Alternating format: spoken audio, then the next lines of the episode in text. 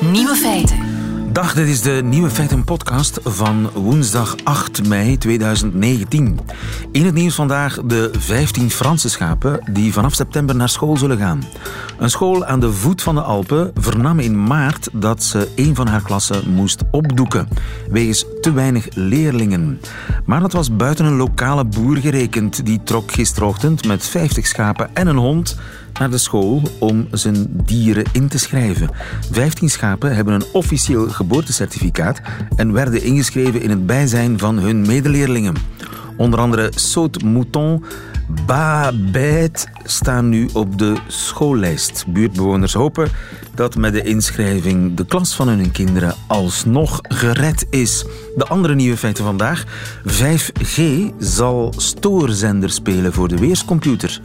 Vlaming Lode de Smet dook voor de BBC achter de schermen van de Brexit-onderhandelingen. In Polen is een vrouw opgepakt omdat op haar computer een foto is gevonden van een Madonna met een regenboog als halo. En kinderen die veel Pokémon spelen krijgen een Pokémon-knobbel in hun hersenen, die volstrekt ongevaarlijk blijkt te zijn. De nieuwe feiten van Nico Dijkshoorn hoort u in zijn middagjournaal. Veel plezier.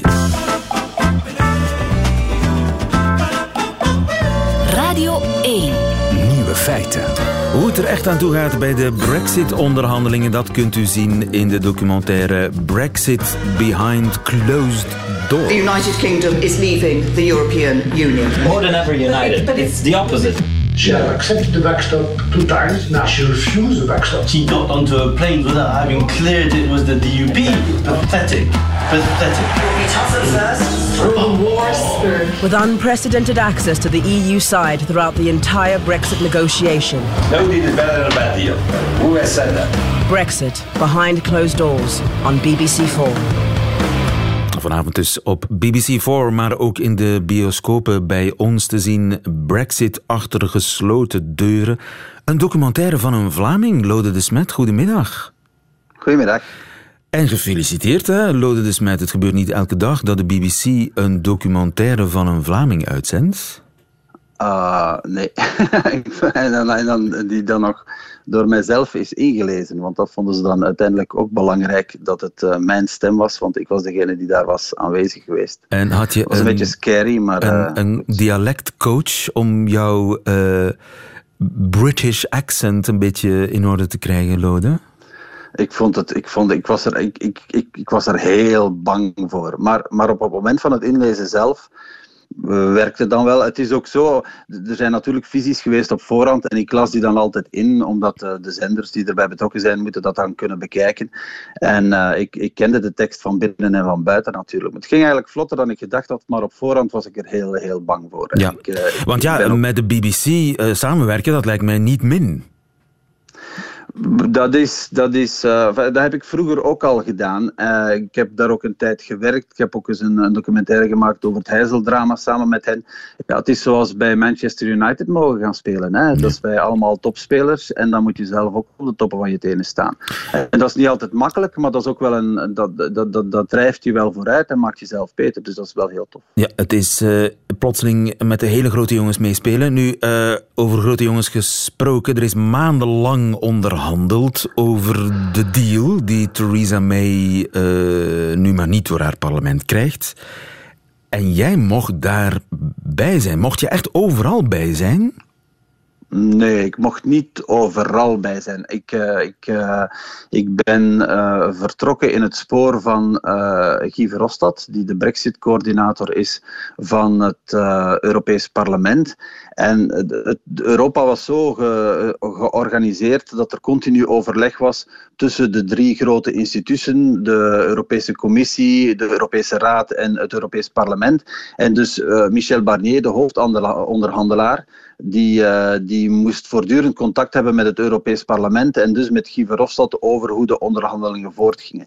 Dus ik was niet, ik, ik was niet rechtstreeks bij de onderhandelingen zelf. Ik zat niet in de kamer met, met de Britse onderhandelaars en met Barnier, maar ik kreeg altijd wel op voorhand te horen, daarover gaan we spreken en verslag achteraf. En ik moet zeggen dat dat eigenlijk, uh, dat dat, je zou kunnen denken van ja, is dat dan wel interessant? Maar, maar ik, ik, ik heb geleerd net wel, want de paar keren dat ik dan zo van die officiële ontmoetingen heb meegemaakt, bleek dat een heel erg georchestreerd ballet te zijn met goed voorbereide teksten. Wij gaan dit zeggen en zij zeggen dan dat en daarop zeggen wij dan dit. Heel formeel, heel uh, oninteressant eigenlijk. Maar wat er vooraf werd gezegd in de voorbereiding, hoe gaan we het aanpakken? En zeker achteraf heb je gezien hoe ze reageerden, was eigenlijk veel, ja, veel menselijker en veel, veel levendiger. Dus ik heb me daar eigenlijk vrij snel mee kunnen verzoenen. Dus jij hebt eigenlijk de interne keuken van de Europese Unie. Daar mocht jij bij zijn. Daar mocht ik bij zijn, ja. Wat heb je geleerd? Wat heb ik geleerd? Dat die, uh, dat die mensen ongelooflijk hard werken. Allee, die zijn daar zeven dagen op zeven bezig. Dat, uh, dat, die, dat die heel erg geloven in die Europese Unie. Uh, ik heb natuurlijk maar die Brexit-sturinggroep van het parlement en die mensen die met Brexit bezig zijn gezien. Maar die, die, die, ja, voor hen, die geloven, houden van Europa, voor hen is dat, een, is dat niet alleen maar een onderhandeling en iets technisch. Dat is ook iets waar ze heel emotioneel bij betrokken zijn. En, uh, en, en was je daarvan dat, geschrokken? Dat, dat het eigenlijk uh, bevlogenheid is die hen drijft? Enthousiasme? Ja, ja, daar ben, ben ik daarvan geschrokken? Nee, ik ben daar niet van geschrokken, maar ik vond dat wel, ik vond dat wel straf om te zien in welke mate dat dat eigenlijk het, uh, het geval was. En hoe ze ook, en, en, hoe ze ook hun best doen om, om je, moet de, de, de, vanuit Europa die onderhandelingen voeren en Michel Barnier is dan het speerpunt, maar dat betekent met 27 landen overeenkomen wat er gaat gezegd worden. Met allerlei politieke groepen uit die 27 landen en met al die mensen samen over teksten gebogen zitten die heel complex zijn, waar één woord kan tellen. Zullen we dit woord gebruiken? Zullen we dat woord gebruiken? En die blijven dat maar, die blijven dat maar doen. Hè? Dat zijn zo teksten van 30, 40, 50 pagina's. En ieder woord, daar wordt over, over gekeken. Ja, zullen we dat gebruiken, dat gebruiken. En duurt dat dan een uur tegen dat ze erdoor zijn? Of twee uur? Of drie uur? En die blijven maar doorgaan. En ik zat daar... Ja, dat, daar, daar, dat is toch, daar, daar, ben, daar heb ik toch met open mond naar zitten kijken. Ja, een blik achter de schermen van de Brexit-onderhandelingen. Zal jouw documentaire de afloop van die Brexit, want ja, die, dat is nog niet voorbij, hè? Zal die daar een rol in spelen, denk je? Dat, dat, dat, dat, kan ik, uh, dat kan ik helemaal niet inschatten, maar ik hoop van niet. Ik bedoel, dit is niet de reden waarom je een documentaire maakt. Hè. Je maakt uh, een documentaire over, uh, om verslag uit te brengen van, van, van, van wat er gebeurt. Het is wel zo dat BBC bijvoorbeeld die, die, die waren heel blij met de documentaire, omdat, wat ze dan zeiden, het, het gaf een unspun inkijk uh, in, de, in, in, in, in Europa en de Europese kant van de zaak. Uh, in Groot-Brittannië, je kent de pers daar, of je, je weet daar wel het een en het ander voor uh, van. Ik bedoel, dat is heel, dat is heel zwart-wit dikwijls met heel veel ja, uh, mensen die die, die, die die agenda promoten en die agenda promoten. En, dus in de Britse pers wordt vaak een beeld opgehangen van ja, in Brussel dat zijn allemaal ambtenaartjes, sukkels eigenlijk. Ah, wel, ja, dat is de, de, de, Je bedoelt dat, dat, die documentaire daar uh, een antwoord op biedt, op dat beeld? Ja, nee, ja, dat, dat, dat, dat, dat zeker ook. Maar, maar, maar wat, wat ik ook wil zeggen is dat, dat, dat, dat, ze zijn er zich van bewust dat, dat, dat, dat wat, wat het publiek in Groot-Brittannië te, te, te, lezen krijgt, heel dikwijls heel gekleurd is omdat de kranten gekleurd zijn, omdat de media gekleurd zijn. En, en, en wat ze verfrissend vonden aan deze documentaire is dat die, ja, die probeerde geen kleur te zetten, die probeerde geen agenda te zetten, die probeerde geen boodschap te brengen. Die probeerde gewoon te tonen van kijk, zo zijn de Europeanen met die brexit-onderhandelingen bezig te zijn. Zonder dat ik wilde zeggen van oké, dit is nu goed of dit is nu slecht. Nee, zo hebben, die, uh, zo hebben die dat gedaan. En zo hebben die gereageerd op wat de Britten op dit moment uh, zegden of op dat moment zegden. Ja. En dat vonden ze heel verfrissend. Vanavond te zien op BBC 4, uh, maar ook in uh, Cinema Palace in Brussel, dacht ik. En ook nog ja. verder in Leuven te zien. Ja. Brexit Behind Closed Doors. Dankjewel, Lode de Smet. Goedemiddag. Nieuwe feiten. In Polen zit een vrouw in de gevangenis omdat op haar computer een bezwarende foto is gevonden. Een foto van een Mariabeeld met een rare halo. Een halo in regenboogkleuren. Mark Pers, goedemiddag. Goedemiddag. Onze man in Polen. Dat is kennelijk erg. Dat is heel erg, ja, want de Madonna in kwestie is namelijk de Zwarte Madonna, het beroemde icoon in Częstochowa, het belangrijkste bedevaartsoord van Polen.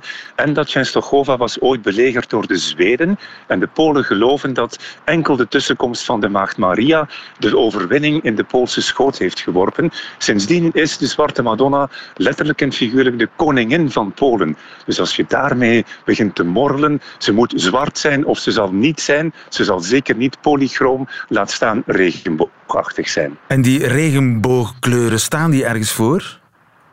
Die staan uiteraard voor uh, de LGBT-beweging, de beweging van lesbische mensen, uh, homofielen en transgenders, waarvoor Elzbieta Podleshna, want over die dame gaat het, al langer actie voert. Ze is een heel bekende straatactiviste, niet partijpolitiek verbonden, maar wel heel actief in de strijd tegen de nationalistische, conservatieve, sommigen zeggen populistische regering van recht en rechtvaardigheid die Polen bestuurt sinds eind 2015 en een heel harde, radicale, conservatieve koers voert tenminste waar het cultuur en religie betreft. Ja, en dus die vrouw is een activiste die strijdt voor gelijke rechten voor uh, uh, Holebis. En die foto... Onder andere ook voor vrouwenrechten. En ze is ook betrokken geweest bij een toch wel ophefmakend eh, feitje hier een paar weken geleden. Is een, uh, een groep betogers is de auto van een presentatrice van de openbare omroep gaan belagen, omdat die mevrouw al te veel propaganda maakt voor de regering. En ook daar was mevrouw Potleshna bij betrokken naar verluid. Ja. Maar die foto is gewoon gevonden op haar computer. Ja, klopt. Dat is uh, uh, mogelijkerwijs, maar dat is nog niet bewezen, een aanwijzing dat ze ook betrokken was bij een incidentje in de stad Płock, in het uh, centrum van Polen ligt die stad. Daar heeft de priester tijdens de paasmis het nodig geacht om een lijst van zonden uit te hangen. En daarop stond onder andere genderideologie, homofilie. Als protest daartegen, ludiek protest, is in die kerk en rondom een aantal foto's verschenen van diezelfde zwarte Madonna met de polychrome achtergrond. Diezelfde foto is gevonden op de computer van mevrouw Potleshna. 1 en 1 is 2, denkt de politie. En ze heeft haar eergisteren in de vroege ochtend, 6 uur, met groot vertoon opgepakt. Heeft haar een dag lang in de cel laten sudderen. Dat is het maximum wat de wet toelaat. En heeft haar naar verluid ook verplicht om haar BH en panties uit te doen, zogezegd om te vermijden dat ze zelfmoord wil plegen. Maar zelf, en ik denk terecht, vindt ze dat gewoon een uh, ja, poging tot vernedering van de gearresteerde. Is dit een thema in de verkiezingen? Uiteraard. We staan uh, aan de vooravond van een verkiezingsmarathon. 26 mei Europese, najaar algemene verkiezingen, 2020 presidentsverkiezingen. Het thema Poolse identiteit. Wie is een goede Pool, wie is een slechte Pool? Hè? Voor de liberalen is de goede Pool de cosmopoliet die inplucht op Brussel, die uh, in vele westerse steden gaat shoppen. Voor de conservatieven is de goede Pool iemand die thuis blijft, die jurek en barst eet, die naar de kerk gaat en die zijn snor laat groeien. Die twee Poolse modellen zitten elkaar al jaren te bekampen. En nu de komende weken en maanden met die drie verkiezingen is, dat, uh, is het hek volledig van de dam. Ja, dus dit wordt gebruikt in uh, de verkiezingsstrijd. En ja, wie maalt er om uh, principes als vrijheid van meningsuiting, godsdienstvrijheid? Precies. De, de wetgeving of het artikel waarop alles gebaseerd is, is het, uh, een artikel dat zegt je mag niet kwetsen van religieuze gevoelens. De uh, senaatsvoorzitter heeft dat meteen geïnterpreteerd als ja, kijk, en nu maakt iedereen zo'n heisa, maar ik voel mij als katholiek heel hard in mijn kruis getast, zal ik het maar noemen. Mocht het over moslims gaan, dan zou iedereen de kant van de moslims kiezen. Dus zie je ook de politiek gebruikt het al heel erg letterlijk in de, in de propaganda. Nu moet ik wel zeggen, er zijn al een paar precedenten geweest waarin dat artikel werd ingeroepen, maar de soep werd nooit zo heet gegeten als ze werd opgediend. En tot nu toe is nog niemand er echt voor veroordeeld op één man na die drie maand gevangenisstraf heeft gekregen omdat hij in Gdansk de ruiten van de synagoge had ingestaan. Maar dat is meer antisemitisme dan waar het nu over gaat, namelijk uh, een aanval op het katholicisme. Ja, maar dus uh, het is nog helemaal niet zeker of die vrouw ook daadwerkelijk uh, zal veroordeeld worden wegens Hoogstwaarschijnlijk was het weer eens een, een poging tot afdreigen van iedereen die tegen de regering is. Het lukt niet zo goed, want op de sociale media zie je massa's foto's van mensen met het polychrome halo als achtergrond. En gisteren is hier in Warschau ook al betoogd tegen haar arrestatie. Dus de, de, het andere kamp zeg maar, laat ook wel zijn tanden zien. Ja, er zijn twee Polen in Polen. Dankjewel, Mark Peers. Goedemiddag. Graag gedaan. Nieuwe feiten. Het is toch wel raar, hè? Dat je in Polen in de gevangenis kunt vliegen omdat er op je computer een Maria-beeld is gevonden. Een foto van een Maria-beeld met een regenbooghalo. Polen is toch lid van de Europese Unie. Jochem Vrieling, goedemiddag. Goedemiddag. Jochem, jij bent uh, professor aan de Universiteit Saint-Louis in Brussel, mensenrechtenspecialist. Polen lid van de Europese Unie. Uh, kan Polen naar eigen goeddunken ja, ingrijpen in de vrijheid van meningsuiting? Uh, daar zijn zeker beperkingen op uh, wat ze wel en niet uh, kunnen doen. Dus enerzijds zitten ze inderdaad in de Europese Unie. Je ziet ook dat onmiddellijk al Donald Tusk gereageerd heeft. Ehm, waarbij die aangaf dat dat eigenlijk niet kan in onze Unie. Dat je dat soort zaken beperkt. Maar belangrijker misschien nog dan het feit dat ze in de Europese Unie zitten. is het ook zo dat de Polen onderdeel is van de Raad van Europa. Um, met als bijbehorend hoofd het Europees Hof voor de uh, Rechten van de Mens. En die zien natuurlijk ook toe op uh, uh, de, de, de waarborging van de vrijheid van meningsuiting. Dus mocht die activiste toch veroordeeld worden, dan kan zij naar het Hof voor de Rechten van de Mens stappen? Ja, dan kan ze naar Straatsburg, naar het Hof van de Rechten van de Mens gaan. Wat er dan gebeurt is niet helemaal voorspelbaar, maar mijn gevoel zal toch zijn dat de vrijheid van meningsuiting het in, deze geval, uh, in dit geval zal, uh, zal halen. Maar wat je wel moet weten is dat het Europees Hof uh, is een hof wat heel veel ruimte geeft aan de lidstaten, een zogenaamde appreciatiemarge, wanneer het gaat over allerlei rechten, inclusief de vrijheid van meningsuiting. Dus eigenlijk kan elk land in belangrijke mate toch zelf bepalen wat er wel en niet onder die vrijheid valt, omdat ze veel beter geplaatst zijn om te weten wat noodzakelijk is in hun land qua beperkingen. En die appreciatiemarge is extra groot wanneer het gaat om religie. Waarom is dat zo? Wel omdat er geen consensus is tussen de verschillende staten van de Raad van Europa over hoe die verhouding tussen de expressievrijheid en de godsdienst godsdienstvrijheid en ook de kerk-staatrelaties, hoe die geregeld moet worden. Dus het Hof geeft daar extra ruimte, omdat ze niet uh, opgericht is om al dat soort verschillen uh, uit te vlakken. Maar er blijft wel een ondergrens. Dus wat, is de ondergrens? Uh, ondergrens is dat religie bekritiseerd moet kunnen worden, ehm, zelfs geridiculiseerd moet kunnen worden. zeker als dat gebeurt op een niet onnodig kwetsende wijze. En die posters, hè, want het was niet louter het feit dat op de computer van die dame die afbeelding is gevonden, maar die zijn ook verspreid in het straatbeeld. Goed, ze betwist dat zij dat heeft gedaan, maar bon, hè, laten we er even vanuit gaan dat dat wel het geval is. Um, die posters, ik denk niet dat die uh, uh, vallen onder een, een, een, een ja, onnodig kwetsende ja. interpretatie van, dus van die expressievrijheid. zal het wellicht halen. Nu, het ja, is, ten meer omdat, omdat je natuurlijk... je, zit hier, je hebt een heel belangrijk een contextueel element. Hè. Dus in, in Centraal- en Oost-Europa zie je momenteel de, in verband met LGBT-kwesties um, dat homo's, lesbiennes en trans mensen daar een hele moeilijke positie hebben, continu aangevallen worden, ook zelfs gewelddadig aangevallen worden. En je ziet dat het Hof zich daar in het verleden erg gevoelig voor heeft betoond. Dus bijvoorbeeld die, die gay propaganda uh, regelgeving in Rusland uh, heeft al tot veroordelingen van uh, Rusland geleid. en ook in andere contexten, bijvoorbeeld verboden op gay prides. dat heeft ook al aanleiding gegeven tot veroordelingen. Dus ik denk als je dat erbij neemt, dan is het het meest waarschijnlijk dat het Hof zal concluderen dat dit niet aanvaardbaar is. Maar tegelijkertijd zie je ook ja, dat er wel een aantal precedenten zijn die als het tot een veroordeling zou, kunnen, zou komen, dat Polen zou kunnen aangrijpen om te zeggen van kijk, ja, maar je hebt in het verleden dit gedaan, Hof. Dus de, dus wij moeten dit ook kunnen. En ik denk dan vooral aan een tweetal zaken in verband met, uh, met Oostenrijk. Eén uh, oudere, het Otto Preminger Instituut uit uh, 1994, maar ook een veel recentere, die in de media ook heel sterk aan bod is gekomen. Uh, uh, rond een zaak waarin een Oostenrijkse vrouw uh, de islamitische profeet een pedofiel had genoemd. Ik weet niet of je die kwestie Juist, nog ja. herinnert. Ja. ja.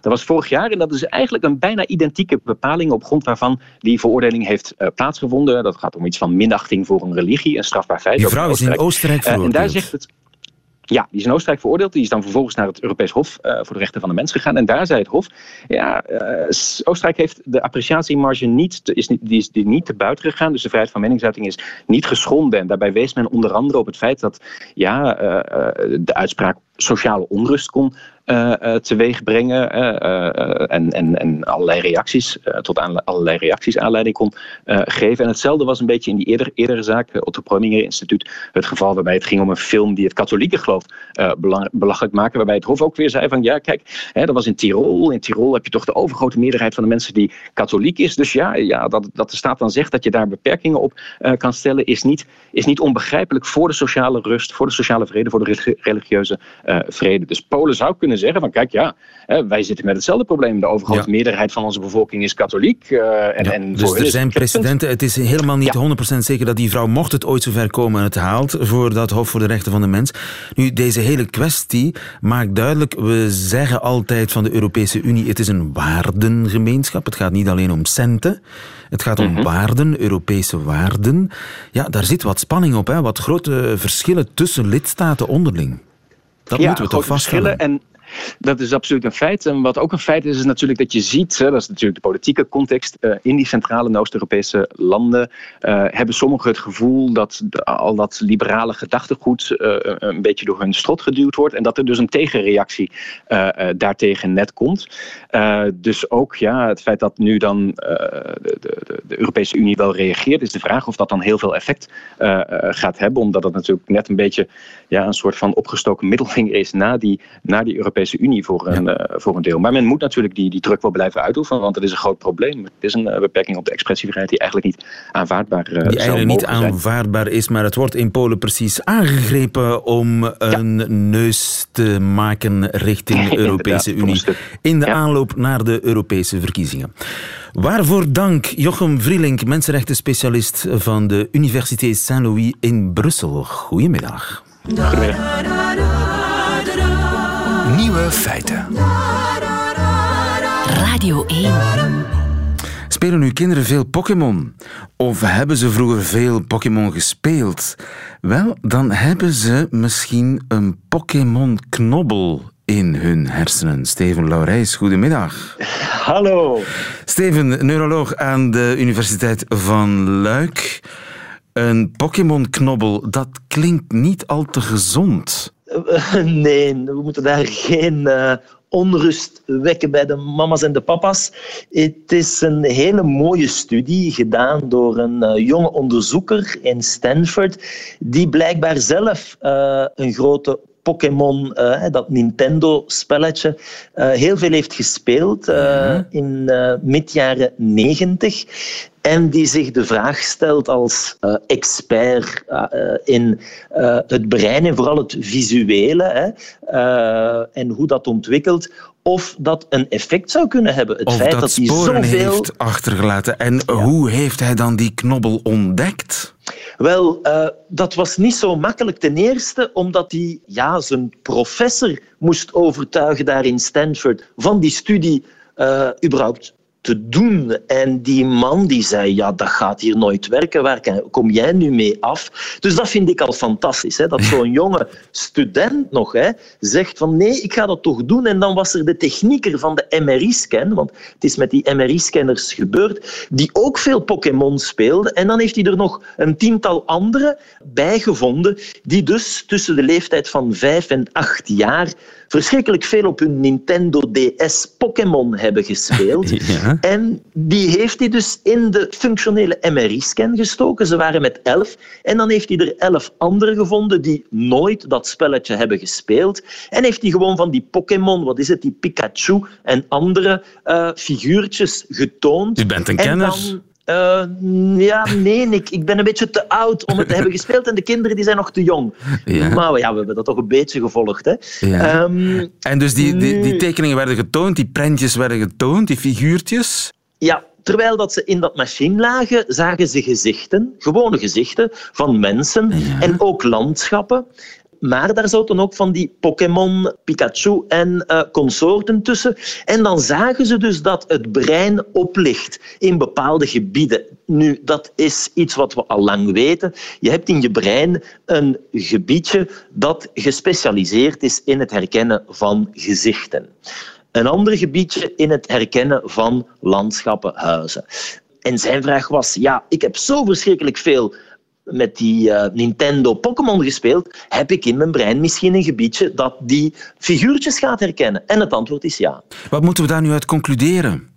Wel, ja, ik vind het wel tof onderzoek natuurlijk waar aangetoond is dat bij jonge kinderen, hè, ze waren dus vijf à acht jaar toen dat ze dat heel, hebben, heel intensief hebben gespeeld, en dat toont ons aan dat net zoals bij apen trouwens, er een uh, bepaalde periode is in je jonge leven waar dat je dingen kan aanleren. Dat is belangrijk bijvoorbeeld als we leren lezen, dan moeten we die letters leren herkennen en dan worden dat woordjes. En dat is ook een gebied in het brein dat daar gaat in specialiseren.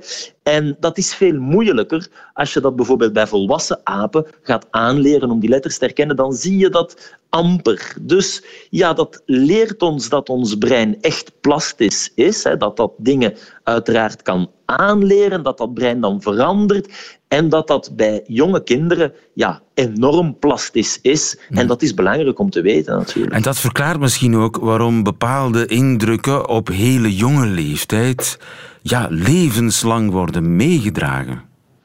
Ja, ja, ja. En ja, daar traumatische ervaringen bijvoorbeeld.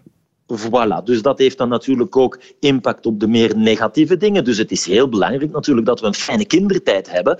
Um, moeten we onze kinderen van die computerspelletjes afhouden. Ik denk niet dat de studie hier dat kan uh, aantonen, maar het laat dus toe aan onderzoekers. En ik, ik uh, onderlijn opnieuw een jonge onderzoeker met een, een crazy idea, die toch zijn ding heeft uh, ja, kunnen doen met, met alternatieve funding uh, en ons uiteindelijk toch echt iets leert over plasticiteit in het jonge brein. Uh, wat heel mooi is. Dankjewel, Steven Laurijs. Goedemiddag. U bent bedankt. Ciao. Nieuwe feiten. Wie is er bang van 5G, dat nieuwe supersnelle mobiele internet? Wel, Frank de Bozere, ja, een beetje een toch? Beetje. Ja, ja, toch. Goedemiddag, Frank. Wel lief hoi. Het is nog niet voor morgen, maar het is wel op komst. Uh, eh, 5G, het gaat apparaten online brengen, auto's online brengen. Het gaat mijn ijskast laten praten met mijn supermarkt. Het gaat mijn toiletpot laten praten. Allemaal bellen met de dokter als er iets mis is met mijn stoelgang. We gaan een schone toekomst tegemoet. Mijn auto gaat mij vanzelf, zonder dat ik aan het stuur zit, allemaal naar prachtig. mijn bestemming brengen. Allemaal dankzij 5G. Het is de toekomst. Mhm. Maar 5G zou het wel eens moeilijker kunnen maken voor jou? Voor, uh, voor weersvoorspellingen. Niet zou, maar dat zal, uh, dat heel, zal, ja, dat zal heel zeker zo zijn. Kijk, het heeft alles te maken met de radiofrequenties die uh, eh, 5G gebruikt. Eén daarvan is 23,8 gigahertz. Um, in, in de praktijk wordt die radiofrequentie ook door de natuur, door het weer gebruikt.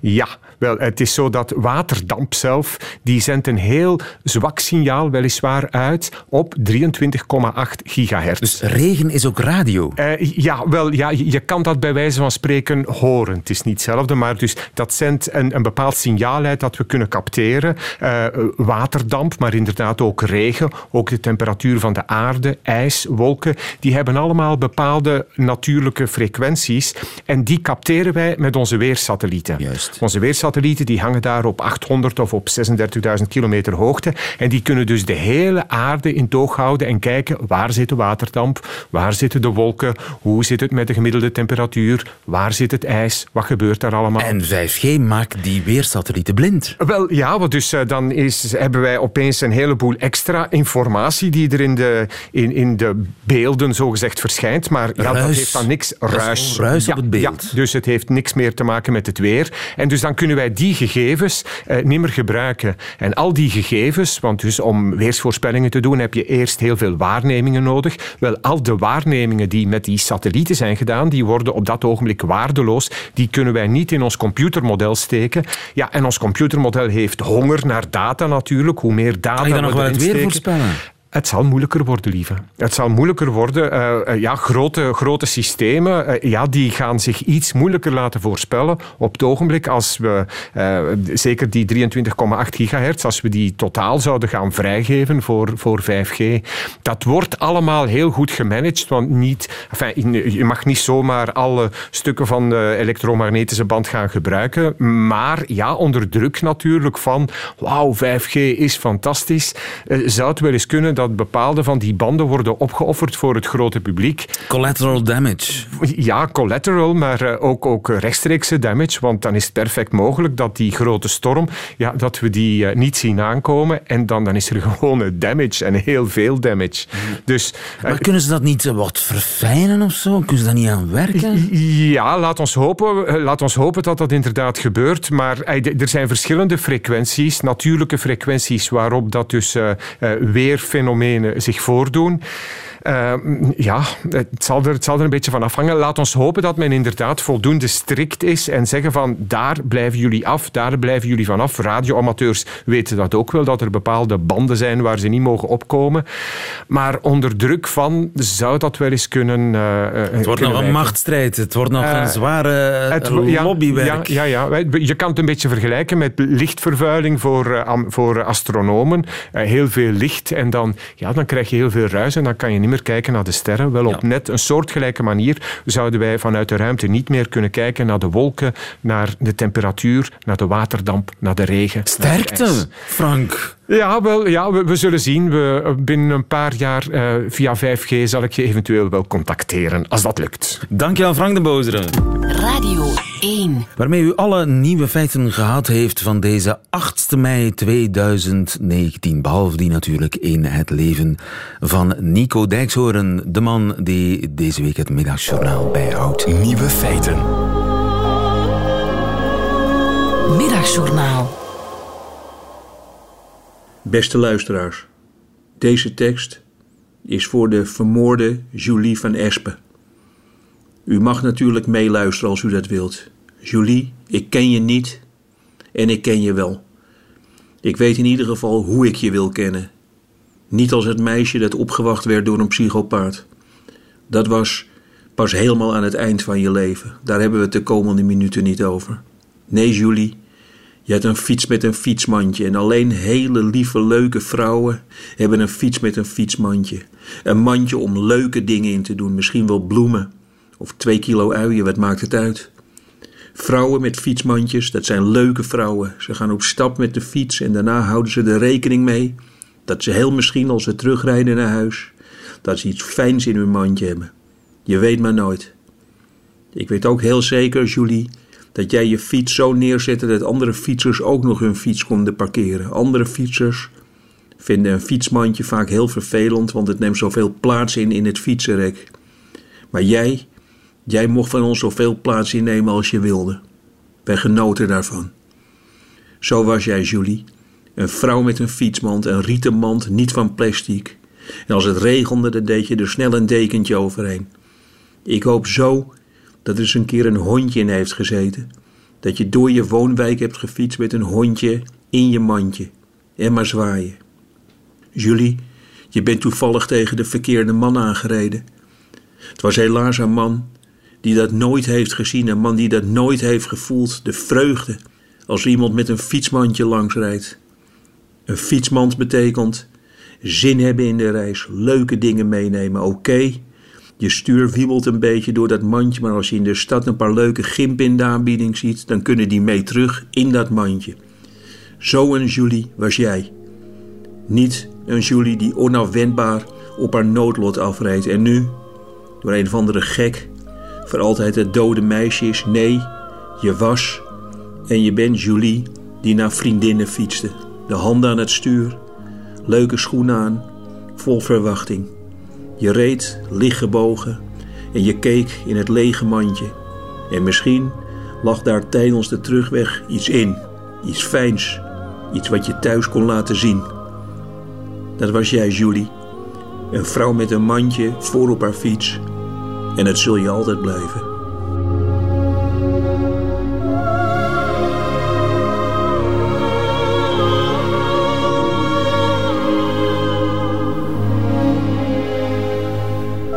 Om stil van te worden, Nico Dijkshoorn in het Middagjournaal. Einde van deze podcast, maar u vindt er nog veel meer op radio1.be en op de podcastkanalen. Tot volgende keer.